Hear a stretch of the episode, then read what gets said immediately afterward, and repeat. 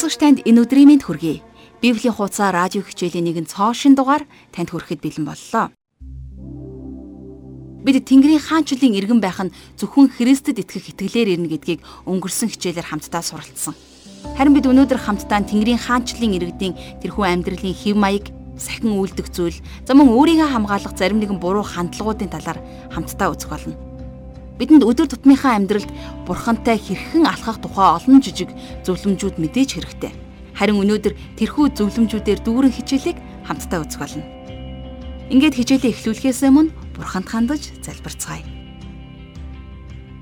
Эзэн бурхан минь, өнөөдрийн хичээлийн төлөө онцгойлон талархаж байна та өдөр тутам бидэнд юу хийх ёстойг минь бас юу хийх ёсгүйг минь та зааж өгөөрэй. Өнөөдрийн хичээлээр дамжуулан Есүс Христэд итгэгч хүнийхээ хувьд бид хэрхэн амьдрах ёстойг та бидний зүрх сэтгэл дотор та зөөлнөөр ятгах бас синхруулан ойлгуулж өгөөрэй. Бид энэ цагийг танд өргөж Есүс Христ хааны нэрээр залбирлаа. Амен. Харин одоо жаргал агшихаа хичээлд анхаарлаа хандуулъя. За тэгэхээр өнөөдрийнхөө хичээлээр бид нэр амьдралд нилээд ойр зүйлүүдийг ярилцах болно. Тэгэхээр өнгөрсөн хичээлүүдээр бид нэр өөрсдийнхөө мэдэж авах мэдлгүүдийг түлхүү үзэж байсан болвол за өнөөдөр хувийн амьдралдаа тухайн мэдлгүүдийг за мөн үйлдэх сүнслэг зөвлөмжүүдээр дүүрэн тийм хичээлийг бид нэр үзэх болно.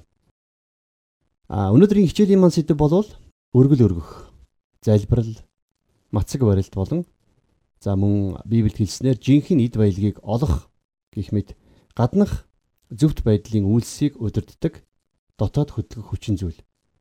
За өөрөөр хэлэх юм бол үнэхээр яг жинхэнэ Тэнгэрийн хаанчлалын харьяат иргэд байхын тулд бидний бурхантай харилцах дотн харилцааны тухай өгүүлэх юм. Матай 5 дугаар бүлэг дээр бид нэр Тэнгэрийн хаанчлалын хаан өөрийн иргэдтэй за мөн тэдний эзэмших хэрэгтэй зөвхт байдлын талаар өгүүлсэнийг санаж байгаа. Харин Матай 6 дугаар бүлэг бол итгэл бишрэлийн гадаад төрх байдлын талаар илүү анхаарсан ийм бүлэг юм. За мэдээж энэ зөвхт байдал нь хуулийн багш нар за мөн тухайн үед фарисеучуд гэж нэрлэгддэг байсан хүмүүсийн зөвхт байдлаас илүү холд авсан байх ёстой гэж Есүс хэлсэн баг. Зөвхт байдал. Тэгэхээр зөвхт байдал нь зөвхөн Христэд итгэх итгэлээр ирдэг болохыг бид нар ярилцсан. А гэтэл Матай 6 дугаар бүлэг хаанчлалын иргэдийн даган хэрэгжүүлэх хэрэгтэй зөвхт байдлын талаар дэлгэрэнгүй өгүүлдэг юм. Тэгэхээр мэдээж зөвхт байдлын хамгийн гол шалтгаан нь юу вэ гэхээр та бидний бурхны төлөө хийх зүйлийн гол утга учирыг бид нар ойлгосон байх ёстой.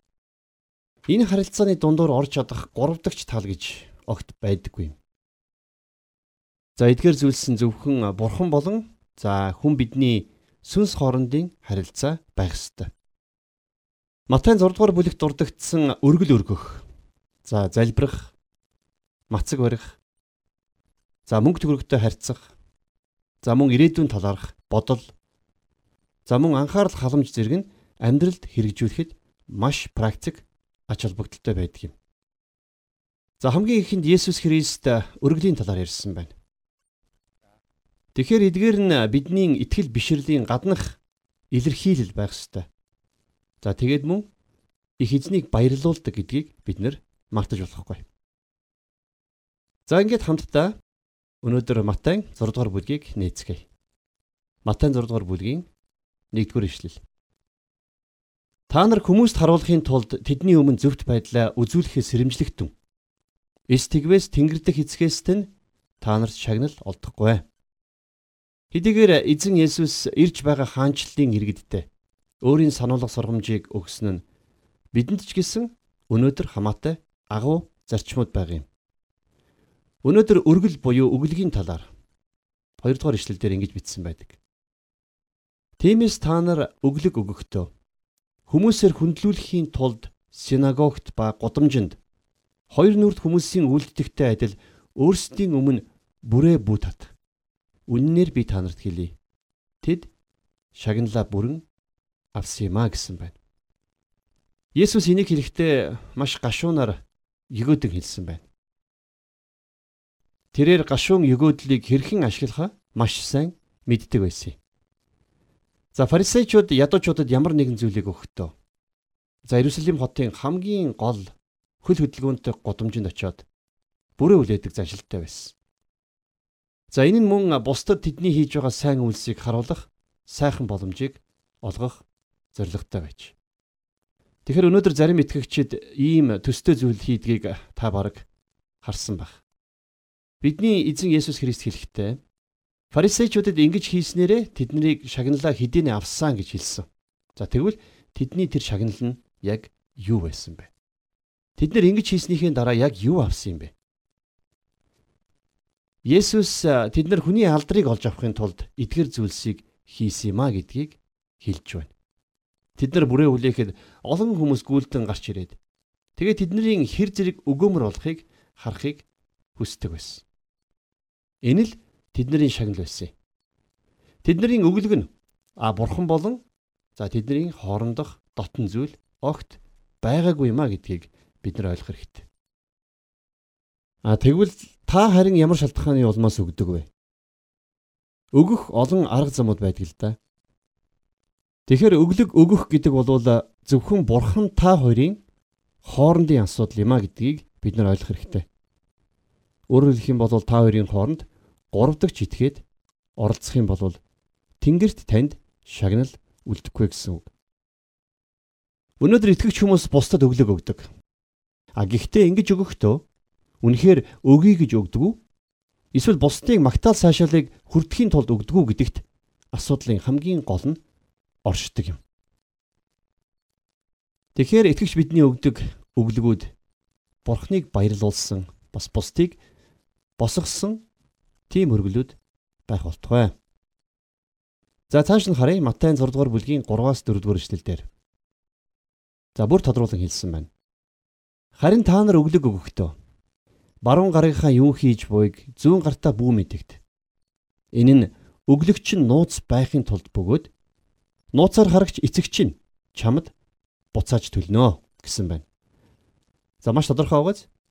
Тэгэхээр нэг гараараа халаасаа уудлан нөгөө гараа дээш өргөн за хэрэг хэмжээтэй өгч байгаагаа хүмүүст мэдүүлэх хэрэг байхгүй маа гэсэн үг. Есүс Христ хэлэхдээ та нар өглөг өгөхдөө баруун гарынхаа юу хийж байгааг зүүн гартаа бити мэдэгдэрэй гэж хэлсэн байна. За энэ бол бас л нэгэн гашуун өгөөдөл байна.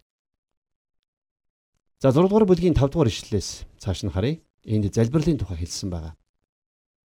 Залбирахдаа хоёр нүрд хүмүүс шиг байж болохгүй. Учир нь тэд нар хүмүүст харагдахын тулд синагогт ба гудамжны булан зогсоод залбирах дуртай аж. Үннээр би та нарт хэлье. Тэд шагналаа бүрэн авсан юм а гэсэн байна. За энэ дээр хоёр нүртэй хүмүүс шиг байж болохгүй гэж Есүс Христ маш хүчтэй үгийг хэрэгэлсэн байна. За тэгээд цаашлах юм бол тэд нар шагналаа бүрэн авсан гэж хэлж. Тэгэхээр тэд нар залбирахдаа тэд нарыг хин нэгэн хүн харж ах болно гэж бодож залбирдаг. Хин нэгэн толгойдоо альчуураа тохох үед нь тэр залбирч байгааг нь зарлан тунх гэлж байгаа явдал болдог байсан юм. Харин Есүс хэлэхдээ Ийхүү залбирагч хүн бол аль хэдийн шагналаа авсан гэж хэлсэн. Өөрөөр хэлэх юм бол тэр хүсч байснаа авсан нь тэр нь бусад хүн түүнийг залбирч байгааг нь харах явдал байсан. Гэвч үнэндээ түүний залбирал байшингийн дээврээс дээш гарахгүй л болов. За цааш нь харъя Матай 6 дугаар бүлгийн 6 дугаар эшлэл. Харин чи залбирахдаа дотоод өрөөндөө орж хаалгаа хаагаад нууцаар оршигч эцэгтэй залбир. Нууцаар харагч эцэгч нь чамд буцааж төлнө гэсэн байна. Энд Есүс эцэг гэсэн нэр томьёог ашигласныг анзаарч байна? Хүмүүс нь эзний яриад байсан хаанчлалын иргэд баг юм. Тэгэхээр та яаж бурхны хүүхд болох вэ? Иохны сайн мэдээ номны 1:12 дээр энэ хариултыг бэлхнэ өгсөн байдаг. Энд дээр ингэж бичсэн байна. Харин өөрийг нь хүлээн авсан болгонд өөрийнх нь нэрд итгэдэг хүмүүст Бурхны хүүхэд болох эрхийг тэр өгвөө гэсэн баг. За мөн Иохны 3 дугаар бүлэг дээр Есүс Христ Никодим химэх фарисей бүлгийн нэгэн хүнд хэлэхдээ хин дээрээс эс төрн тэр хүн Бурхны хаанчлалыг үзэж чадахгүй гэж хэлсэн байдаг. Тэгэхээр Бурхны хүүхэд болоогүй хүн Бурхныг ааваа гэж дуудах боломжгүй. Хэрвээ хуучин гэрээ номыг харах юм бол та хүн Бурхан хоёрын хоорондох харилцаанд Бурхныг аав хэмээн дуудсан байхыг олж харж чадахгүй. Израиль үндэстэн бүхлээрээ бурхан дуудагдсан. За Египтээс гарсан номны 4-ийн 22 дугаар ишлэлдэр эзэн ингэж айлдаж байна. Израиль бол миний хүү.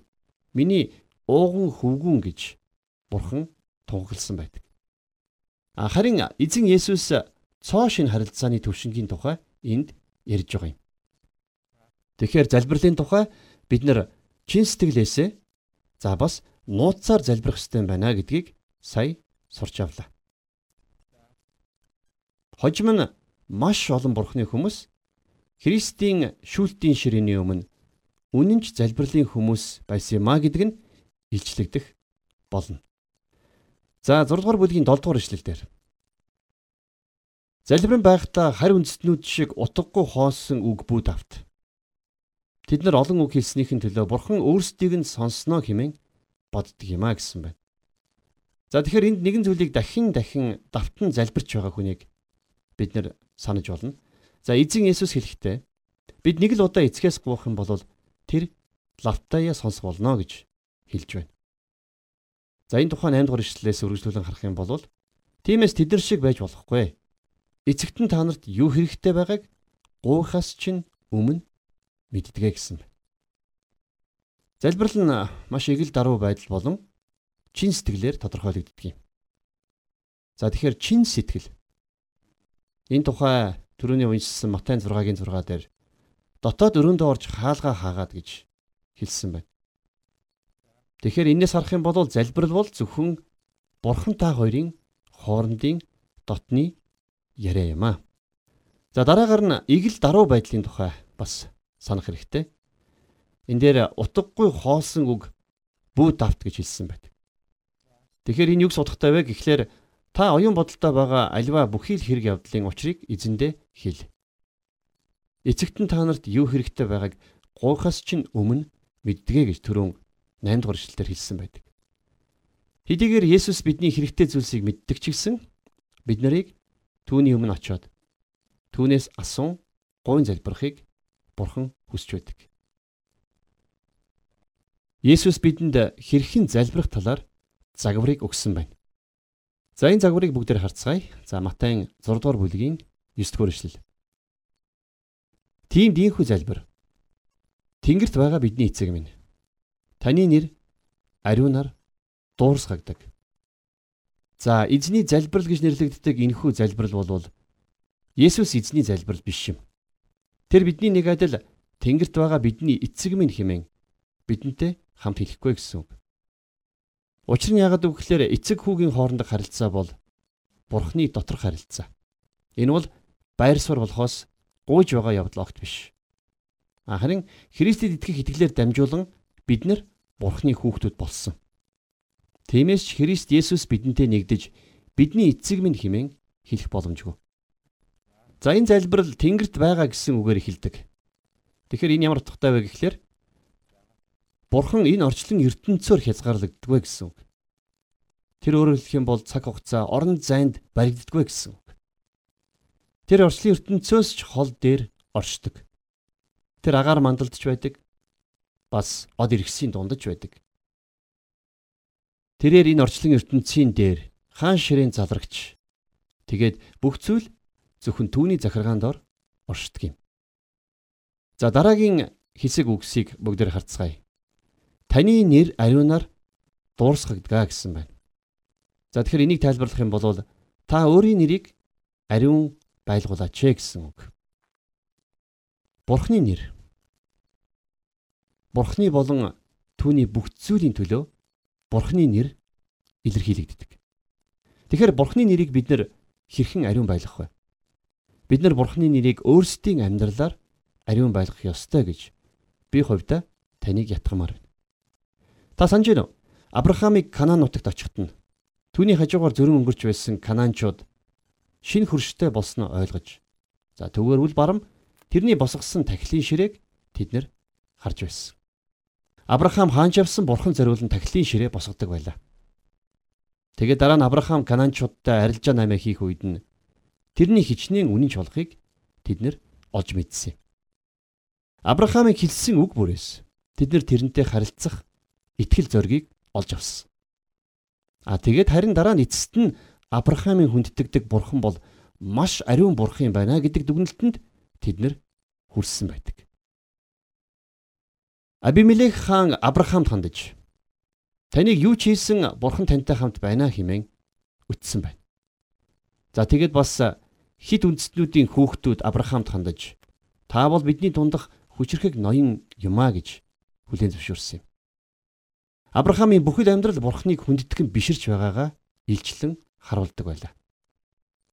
Тэгэхэр чухамхуу Авраамаас л болж Бурхны нэр Канаан нутагт харь үндэстнүүдийн дунд ариун болгогдсон нь ойлгомжтой.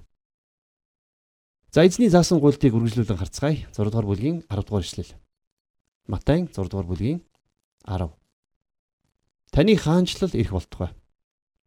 Хүсэлтэн тэнгэрч шигэ газар дээр биелэгдэх болтугай гэсэн байна. За эхний үг болох таны хаанчлал ирэх болтугай гэсэн нь за Матагийн яриад байгаа тэр Тэнгэрийн хаанчлал. За мөн хожим Есүс Христийн дэлхий дээр байгуулах яг тэр хаанчлалын тухай өгүүлж байна. Энэ бол бидний залбирах ёстой маш үн цэнтэй залбирал байгаа юм. За Матайн 6-гийн 11-ийг харцгаая. Өдөр тутмын минь талахыг энэ өдөр бидэнд өгөөч гэсэн байна. За өмнө нь миний тодорхойлж байсан шиг энэ залбирал За тэгэхээр өмнө нь би хэлж байсан энэ залбирал бол бидэнд хэрхэн хувьчлан залбирах загварыг л зааж өгсөн.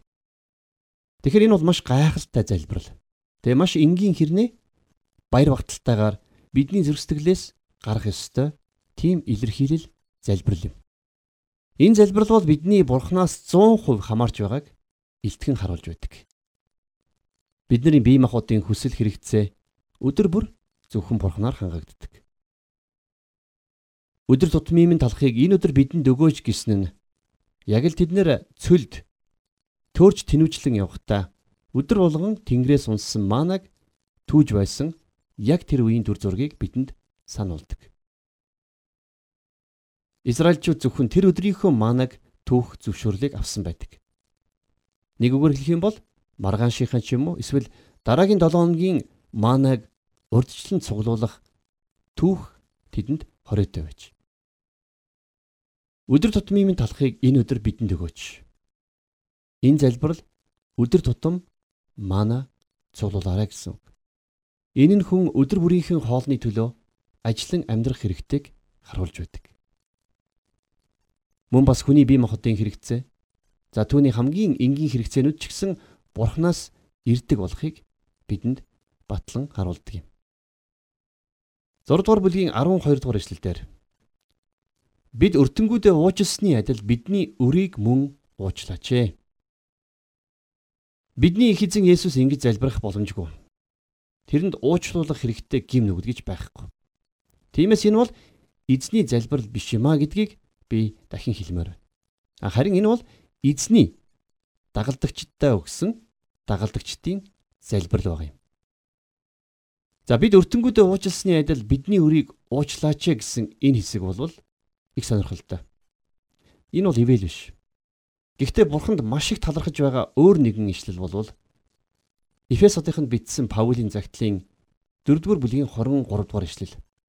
За энд хэлэхдээ Бурхан та нарыг Христ дотор уучлсны адил бие биенээ уучлан нэг нэгнийг инрэн уян зөөлөн сэтгэлээр ханд гэсэн байдаг. Бурхан биднийг бидний хийсэн, бүтээсэн гавьянаас болж биш. Харин биднийг гимтэн байсан учраас өрөвдөж уучлсан гэдэг энэ үнэн бол авралын хамгийн чухал үнэн баг юм. Бурхан биднийг уучлахад Бурханы золилтыг бүрэн дүүрнээр харж чадна. Бид өртөнгүүдээ уужилсны адил бидний өрийг мөн уучлаач гэж хэлснээрээ бид нэр аврагдж байгаа юм биш. Энэ бол аль хэдийн аврагдсан хүмүүс зориулан өгөгдсөн залбирал байгаа юм. Тэр таныг уучлахын тулд эхлээд таны бусдыг уучлах ихт нь хүлээдэггүй. Гмийн асуудлыг шийдэх түүний арга зам бол энэ биш. Бурхан өөрийнхөө хүүг үхэл тушаасан. Энэ шалтгааны улмаас Бурхан уучилдаг. Тэгэхээр бид бүхэн Бурхан биднийг уучлсан гэдэгт итгэн хүлээн зөвшөөрснөөр мөн бас бусдыг уучлах боломжтой болдгиймаа гэсэн үг. За 6 дугаар бүлгийн 13 дугаар эшлэлдэр биднийг сорилтонд бүү оруулаач харин бозар муугаас гитлэгэж. Учир нь хаанчлал, хүч чадал, алдар сүр үрд таних. Амен гэсэн байна. За энэ дээр биднийг сорилтонд бүү оруулаач гэсэн хэсэг байна. За энд хэлсэн оруулаач гэсэн үг нь бидэнд заримдаа буруу ойлголтыг өгөх магадлалтай. За учир нь Яаков өөрийнхөө загталд хэлэхдээ Бурхан хүнийг хизээч муугар сордгоомаа гэж хэлсэн баг. Бурхан хүнийг хизээч муугар сорддоггүй. Харин энэний оронд биднийг сорилт дотор бүү орхиоч гэвэл илүү дээр ойлголт болох болов. За энэ нь биднийг сорилтны гадна байлгаач гэсэн утгатай биш. Харин биднийг сорилт дотор байхад минь биднийг битгий орхиорой гэсэн утгатай. За дараагийн өгүүлбэр болох харин бузар муугаас гитлгээч гэсэн өгүүлбэр байна. За энэ нь хорон муу нэгнээс биднийг гитлхэн амжруулах тухай юм. Тэгэхээр бид нар нэг зүйлийг ойлгох хэрэгтэй. Юу вэ гэхээр өнөөдөр сатан буюу муу сүнс бодиттойгоор оршин байдаг. Дэлхий маш олон удаа өөрсдийн арга замаар түүнээс ангижрах гэж оролдсон. За түгээрч барахгүй муу сүнс буюу сатан за мөн диавол руу бихний сав чулуудсан Мартин Лютерийг шоолон инээлдэж байсан. Харин өнөөдөр хүмүүс тэрнийг ойлгох болсон. Яг гэвэл бурхны төлөө зогсогч хинч сатан аимшигтайгаар оршин байдгийг бодтойгоор мэдэрч мэдэх боломжтой. Альч чуулганд үйлчилсэн бид нар бурхны оршихыг мэдэрдэг шигэ за мөн муу сүнс буюу сатан бодтойгоор оршин байдгаа гэдгийг мэдэрдэг нь үнэхээр туйлын бас аимшигтай үнэн баг юм. Харин бузар муугаас гитлгээч гэсэн залбирал байгаа.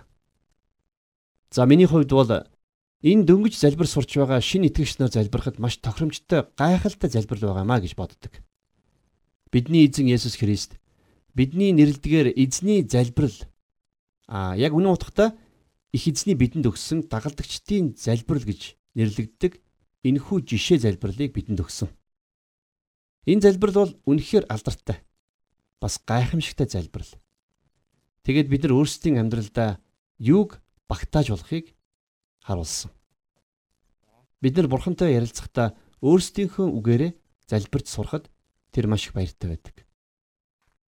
Дагалдагчдын залбирлын өмнөх ишлүүдээр эзэн Есүс Христ хэлэхдээ бид бусдад харуулахын тулд залбирах ёсгүй гэдгийг сануулсан. Энэ бол зөвхөн бурхан та хоёрын хоорондох дотн харилцаа. Хамгийн өр нөлөөтэй залбирал бол та өрөөндөө орж хаалгаа хаагаад тэгээд өөрийн Тэнгэрлэг аавтайгаа ярих юм. Тэгэхээр итгэгч бидэнд хэрэгтэй хамгийн чухал зүйл бол энэ хувьчилсан залбирал байгаа юм. Энэ нь зөвхөн бурхан бид хоёрын хооронд л байх учиртай. За дараагийн нэг сэдв гарч ирж байна. Энэ бол мацаг барилтын тухай. Есүс их эзэн одоо мацаг барилтын тухай дараах ишлэлээр ярьж байгаа юм. За 6 дугаар бүлгийн 16 дугаар ишлэгийг харах юм бол энд ингэж хэлсэн байна. Чи мацаг барихтаа хоёр нүрд хүмүүс шиг бүү баргар царайл.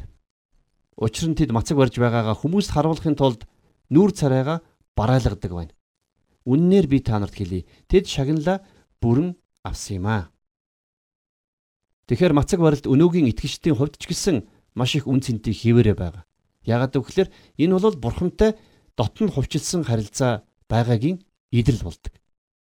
За 17-оос 18 дугаар ишлэлийг үргэлжлүүлэн харах юм бол харин та нар мацаг барихдаа толгоогоо тослоод нүрээ угаа. Ингэснээр та нар мацаг барьж байгаагаа хүмүүст харуулахгүй харин нууцаар оршигч эцэгтэй харуулна. Тэгэд нууцаар хардаг эцэгт нь та нарт буцааж төлнө гэсэн байна. За энэ сэдвийг түр азнаад одоо мөнгө төгрөг олох за болон жинхэнэ эд баялагын утга учирын талаар бүгдээр ярилццгаая.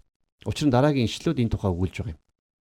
За энэ удаад эзэн мөнгө гэсэн сэдвийн дагуу ярилцж байна. Олон хүмүүс үнэндээ номлогч энэ сэдвийн дагуу битгий яриасаа гэж хүсдэг. За тэгвэл Есүс Христ юу гэж хэлснийг бүгдээр харцгаая. 19-с 21 дугаар эшлэлдэр. Газар дээр өөрсөддөө эд баялаг бүх хураа. Тэнд хэвэн хорхоо болоод зэв идэж сүйтэгдэг. Хулгайч эвдэж ороод хулгайлан авдаг. Харин Тэнгэрт эд баялагийг өөрсөддөө хураа. Учир нь тэнд хэвэн хорхоо болоод зэв идэж сүйтэгдэггүй. Хулгайч ч эвдэж ордоггүй, хулгайлдаггүй. Та нарын эд баялаг хаана байна? Зүрстгэл чинь бас тэнд байх болно гэсэн байна. За маш олон хүмүүс өнөөдөр мөнгийг сүнслэг байдлаар ашиглаж чадахгүй гэж боддог. мөнгөний тухай ярих болгонд л зөвхөн материалын зүйлсийн тухай ярьж байна гэж шүүмжилдэг. А хэдий тийм боловч бидний эзэн Есүс Тэнгэрт эд баялагийг өөрсөддөө зориулан хураагаарай гэж загсан байна. За тэгвэл бид нар хэрхэн яаж Тэнгэрт эд баялагийг хураах вэ? Тэгэхээр Швейцарын банкнд эд хөрөнгөө хадгалснаас их эзэн Есүс Христийн үйл хэрэгт зориулснараа Тэнгэрт эд баялагийг хадгалах боломжтой гэсэн үг. Харин бид үнэхээр эзний үйл хэрэгт зориулж чадаж байгаа эсхэ өөрсдөө шударгаар нэгтлэх хэрэгтэй. Бид бусдад өгсөн бүх зүйлээ яг зориултын дагуу хэрэглэгдэж байгаа эсхийг та заавал хянан шалгах хэрэгтэй.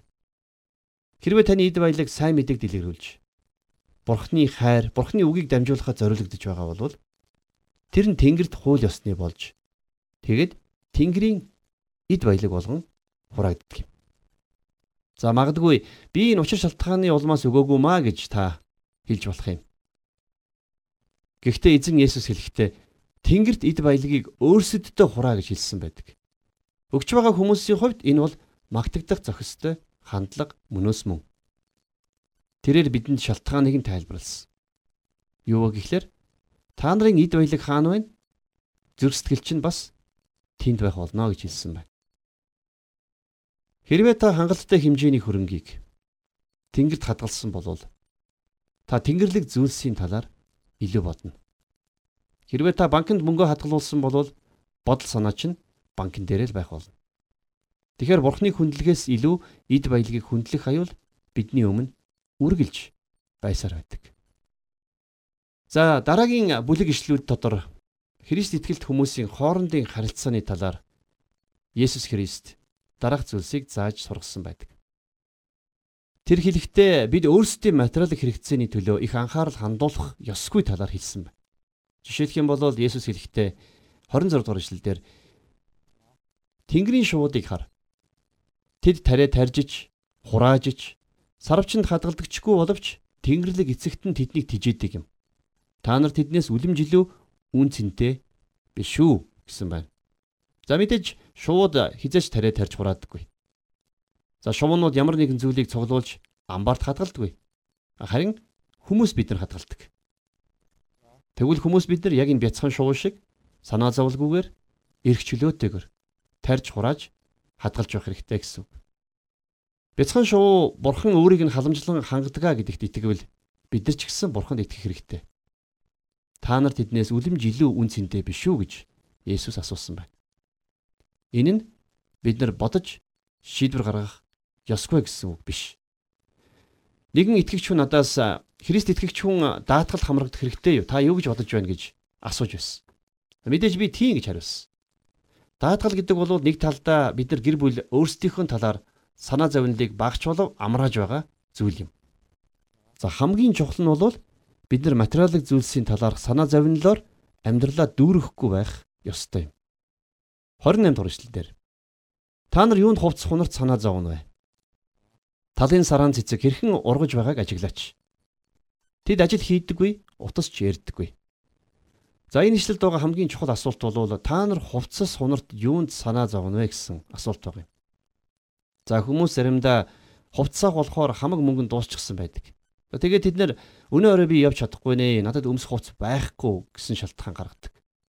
Тиймээс талын сараан цэцэг хэрхэн ургаж байгааг ажиглацгаая. Хэдийгээр тэд нар ажил хийдэггүй утас ч ярдггүй боловч бурхан тэднийг харж хамгаалдаг гэдгийг бид нар мэднэ. Мэдээж итгэгч хүн өөрт нь байгаа боломжоор сайхан хувцлах хэрэгтэй. Хааш яаш хувцалсан хамаа намаагүй үйлдэл нь бурхныг хөндлөж байгаа хэлбэр биш юм. Их эзэн бидний анхаарлыг цэцэгсийн гоо үзэгсэл рүү дуудаж байна. За 29 дэх хүршил дээр гівч би та нарт хэлье. Соломон хаан ч сүр жавхлантай байхдаа эдгэр цэцэгсийн аль нэг шиг хувцлаагүй юм а гэсэн байна. Бурхан биднийг өөрсдийн хэрээр үзэгсэлэнтэй сайхан байгаасаа гэж хүсдэгэ гэж би боддог. Бидний зарим маань элбэг хангалуун биш гэсэн өөрсөддөө байгаа зүйлээ хамгийн сайнаар бас бүтээлчээр ашиглах ёстой юм. 30 дугаар ишлэгийг харъя. Өнөөдөр ургаж маргааш 100-нд хаягдах хээрийн өвсийг бурхан ийхүү гойдог бол Та нарын төлөө тэр түүнээс хайгүй илүү хийхгүй гэж юу? Итгэл багтай хүмүүсээ. Бид нар энэ дэлхийн зүйлсэд хит анхаарал хандуулах ёсгүй. материалын зүйлс хизээч бидний амьдралын гол зорилго байж болохгүй. За одоо дараа нь энэ бүхнийг бадсан хамгийн түлхүүр ойлголтыг Есүс хэлсэн байдаг. Энэ нь Матай 6-гийн 33-аас 34 дугаар ишлэл юм. Харин эхлээд түүний хаанчлал болон түүний зөвхт байдлыг хайхтун. Тэгвэл энэ бүхнийг та нарт нэмж өгөх болно. Тиймээс маргаашийн төлөө бүү санаа зов. Учир нь маргааш маргаашдаа санаа тавих болно. Өдөр бүрийн зовлон тухайн өдөртөө хангалттай гэж Есүс энд хэлсэн байна. Маргаашийн төлөө бүү санаа зовоорой гэсэн нь ямар нэгэн санаа зовнилыг авах өөр дээрээ овоолох хэрэггүй гэсэн үг. Бурхан талын цэцэгсийг болон шуудыг халамжлан хангадаг шигэ таныг ч гэсэн бас халамжлах болно. Хамгийн чухал зүйл бол бид нэр тэрнийг өөрсдийн амьдралд хамгийн ихний байр сууринд тавих ёстой гэсэн. Нэг хүн өнөөдөр бол өчигдөр бидний санаа тавьж байсан маргааш шүү дээ гэж хэлсэн байдаг. Ямар үнэн үгүй вэ?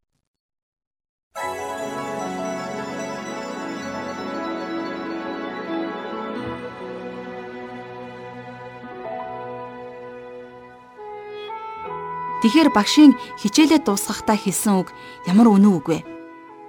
Бид санаа зовлтоор дүүрэн орчлон ертөнцид амьдарч байгаа үстэй. Өнөөдрийн хичээлээс бид хийж үйлдэх ёстой олон олон зүйлүүд сурснаас хамгийн чухал нь залбирал юм байна гэдгийг миний хувьд ойлголоо. Харин хамтдаа эзний заасан гуйлтаар өнөөдрийн хичээлээ өндөрлөвөл зүйтэй болов уу гэж бодлоо. Тэнгэрт байгаа бидний эцэг минь. Таны нэр ариунаар дурсагдаг. Таны хаанчлал ирэх болтугай Хүсэл тань тэнгэрт шигэ газар дээр биелэгдэх болтугай. Өдөр тутмын минь талахыг энэ өдөр бидэнд өгөөч. Бид үрдэнгүүдээ уучлсны адил бидний үрийг мөн уучлаач. Биднийг сорилтонд бүү оруулаач. Харин бузар муугаас гэтлгээч. Учир нь хаанчлал, хүч чадал, алдар сүр нь үрд таних. Амен.